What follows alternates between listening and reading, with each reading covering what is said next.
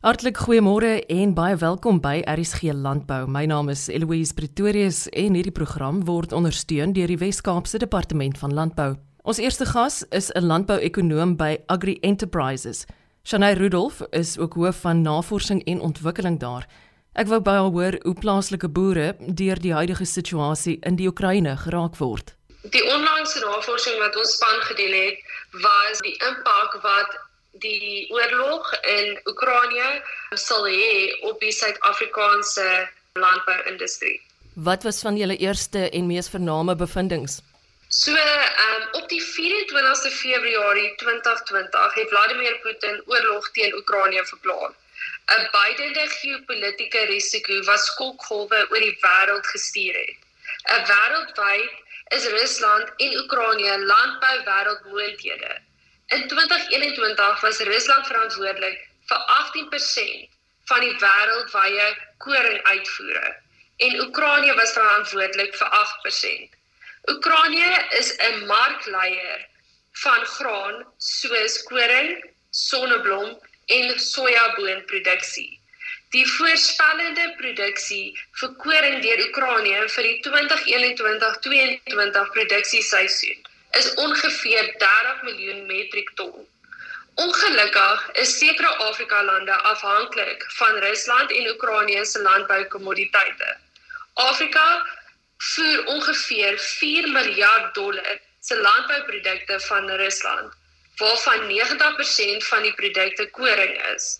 Boonop het Afrika 2.8 miljard dollar se landbouprodukte uit Oekraïne ingevoer. Oekraïne het 42 miljoen hektaar se landbougrond. Hulle is 'n wêreldleier in sonneblomolieproduksie en het die potensiaal om ongeveer 600 miljoen mense te voer. Die top 3 kommoditeite wat deur Rusland na Suid-Afrika uitgevoer word, bestaan uit graan, fossiel brandstowwe, olies en kunsmis. Al drie kommoditeite is noodsaaklik vir die ekonomiese welstand van Suid-Afrika. Die Suid-Afrikaanse landbouuitvoermark maak staat op Rusland. Die top 3 landbouprodukte wat uitgevoer word is sitrus, appels en pere. Shanay, dit is sekerlik so dat 'n mens kan aanvaar dat die landboupraktyke in die Oekraïne op hierdie stadium stil staan. Ja, definitief. Ek dink almal is besig om hulle energie te fokus op die huidige omstandighede en nie op die produksie van kos nie. Of wat kan ons as invoerder doen om moontlik hierdie probleme en dan nou die verdere ekonomiese hoofpyne die hok te slaan? So hierdie gee boere 'n geleentheid om verder te mekaniseer, asook om hulle landboutegnologie te inkorporeer wat sal lei tot 'n verhoging in produktiwiteit en 'n verlaging in insetkoste. Ekonomie van skaal bly 'n kritiese faktor. Boere gaan meer kennisgedrewe moet wees oor die toekoms. Shanay, hoe maak ek sou ek nog vra aan jou wou rig? Jy kan my enige tyd kontak. Um Agri Enterprises is 'n nis konsultasieagentskap wat fokus op die hele voedsel- en veeselwaardeketting. Ons het drie departemente wat fokus op navorsing en ontwikkeling, landelike ontwikkeling en maatskaplike belegging as ook koöperatiewe finansiële oplossings. Jy kan vir my e-pos stuur by Shanay, so dis S H A N E @agrienterprises.co.za. Baie dankie Aloise vir hierdie geleentheid.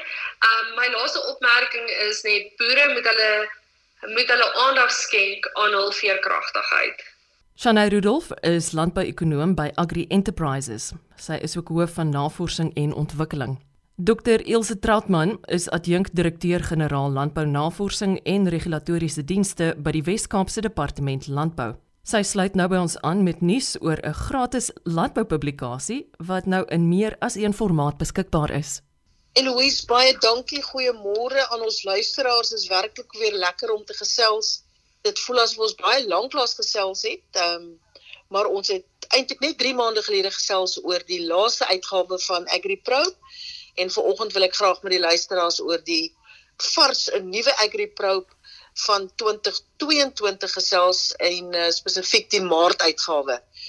Nou, dit is ons departement, Weskaapse departement van landbou se kwartaallikse populêre tydskrif.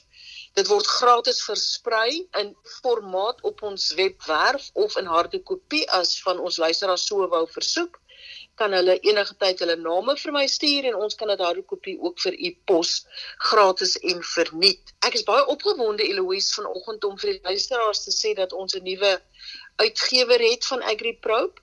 So die Maart uitgawe gaan 'n splinter nuwe baadjie aan hê, 'n lekker nuwe landbou baadjie en ons het nou al van die artikels uh, voorberei. In die hele proses van voorbereiding vir die Maart uitgawe het ons gesien dat hier 'n uh, baie lekker nuwe formaat uh, op die rak gaan land. Ek wil graag in hierdie in hierdie praatjie met jou net 'n paar hoogtepunte uitlig soos wat ek altyd doen oor die maart uitgawe. En ek wil sommer vir die luisteraars sê ons sien werklik uit na 'n pypjaar van landbouproduksie en dienslewering.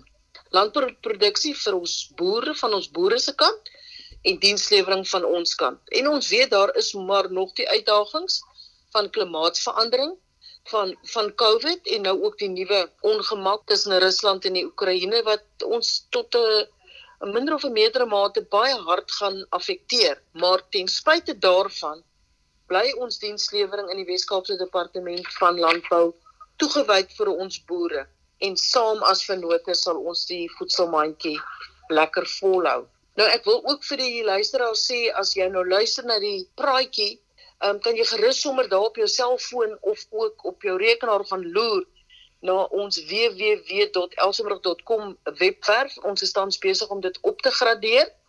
Maar gaan loer asseblief by Resource Library en dan tik jy maar net AgriProbe in en jy gaan al die uitgawes sien van 'n klompie maande gelede as ook die um Desember ene met pragtige granate op die voorblad en dan sal die Maart een ook natuurlik daar wees. En ek neem 'n paar artikels graag op die reis van vanoggend saam met u. En die eerste een gaan oor vennootskappe. Ons is baie gestel op vennootskappe in die Wes-Kaapse Departement van Landbou. Ons kan nie alles doen nie en die bedryf kan nie alles doen nie en die boere kan nie alles doen nie, maar as ons hande saam vat dan kan ons berge versit. En die eerste artikel in die AgriProbe is dan die TCF of die Tissue Culture Facility wat ons departement dan ook gedeeltelik befonds het in 2020 en dit is 'n vennootskap met Hortcrow die bedryfsorganisasie vir die sagte vrugte bedryf. En hierdie laboratorium is dan in 2020 beplan en het in 2021 in die laaste gedeelte van 2021 tot uitvoering gekom en die gedagte is om dan 3 miljoen weselkultuur plantjies per jaar te vervaardig in daardie laboratorium en ook vir 45 mense werk te skep. Hierdie materiaal gaan gebruik word binne ons bedryf. Dis massa vermeerdering van siektevrye materiaal, maar dit gee ons ook die geleentheid om van hierdie materiaal uit te voer na ons Afrika lande en ander vennote met wie ons besigheid doen wat uh, vir ons regtig 'n wonderlike geleentheid is vir die Weskaap ook wat betref uitvoere. Die tweede artikel is 'n lekker een waar 'n innoverende agripreneur gegaan het en een van hierdie vraghouers um of kon of containers soos ons dit noem geneem het en sy eie klein abattoir daarin gebou het. Dit is volgens die spesifikasies gebou, dit is geregistreer en word ook dan ondersteun deur ons eie staatsveeartse en hier word dan ook diere verwerk in hierdie klein abattoir. Dan 'n belangrike een vir die tyd van die jaar, eintlik vir altyd, is ons veldvure en daar's 'n baie lekker artikel oor veldvure en wat ons moet doen om veilig te bly en seker te maak dat ook op ons plase ons die nodige veiligheid, brandpaaie, waterkarre en dies meer gereed hou wanneer ons veral in die somermaande met hierdie uitdaging uh, te kamp het. Nog 'n artikel gaan oor die werksamehede van ons Rural Development of Landelike Ontwikkelingsprogram. Hierdie mense doen ongelooflike werk in die landelike gebiede en help ook met bemagtiging, werkskepping en ekonomiese geleenthede in die landelike omgewing. Die volgende artikel Eloise is een wat baie belangrik is en ek wil vir ons luisteraars sê as jy troeteldiere het, honde of katte, maak tog asseblief seker dat hulle teen hondstolheid ingeënt is Ons departement het uh, baie gereelde hondsdolheid aksie in van die van die gemeenskappe rondom die stede en ook in die Wes-Kaap om seker te maak dat honde en katte ingeënt is. Jy weet hondsdolheid is gevaarlike siekte nie net vir diere nie, maar ook vir die mens. En ons wil sommer met hierdie met hierdie uh opname ook vir ons luisteraars sê asseblief waar jy jou ook al bevind in Suid-Afrika nie net in die Wes-Kaap nie laat jou diere inent. Dan 'n baie interessante en opwindende storie wat ek baie graag met die luisteraars verdeel is die agri-prosesseringsinisiatief van die departement. Nou ek wil dit sommer noem die die agri-prosessering op wiele projek, agri-processing on wheels wat ons die projek noem. En dit is om die agri-prosesserings tegnologie en metodes uit te neem na ons landelike areas. Ons het op die 25ste Februarie ons eerste agri-prosesseringseenheid bekend gestel in Veldrif en ons gaan met hierdie eenhede dan vir ons landelike gemeenskappe en spesifiek die jeug en ook agripreneurs leer hoe om verwerking van vrugte, groente en ook vleisprodukte te doen. Nie net vir kapasiteitsbou en opleidingsdoeleindes nie, maar ook om klein besighede in daardie areas te begin. En uh, dit is 'n geweldige belangrike aktiwiteit en vreeslike opgewondenheid in die landelike gebiede daaroor ook. So as u weer 'n wit waarby u sien verbykom, dit is ons agri-prosesering op wiele, baie mooi gemerk aan die kant en ons is baie opgewonde oor daardie aktiwiteit en dit is die eerste departement van landbou in die Weskaap wat hierdie aktiwiteite dan ook het. Dan wil ek ook uh, die laaste punt wat ek graag wil noem vir jou Eloise is maar altyd ons klimaatsverandering en in elke AgriProbe is daar 'n artikel oor ons Smart Agri plan, die implementering daarvan, maar ook hoe om ons landbousektor meer klimaatslim te maak. En uh, ons wil baie graag vir die luisteraars ook vra om om werklik op ons webwerf te gaan kyk. Die Smart Agri plan is daar en ons rol hierdie plan uit elke dag binne ons departement en ook in die sektor om doodseker te maak dat ons nie oog verloor op klimaatsverandering nie. Ons weet dat COVID en al die ander uitdagings so bietjie ons aandag aftrek van klimaatsverandering, maar hierdie uitdaging het 'n grootse effek op landbou, die voedselmandjie en daarom wil ons ook hê luisteraars moet gerus daarna gaan kyk en ook lekker lees in die AgriPro. En Louise van my kant af baie baie dankie vir die geleentheid en ons sal dan weer later gesels oor die Junie uitgawe van AgriPro. Baie dankie. Dankie Ilse. Ek dink net hier teen die einde van ons gesprek vanoggend herinner tog mense regoor Suid-Afrika waar hulle die kopie van AgriPro in die hande kan kry.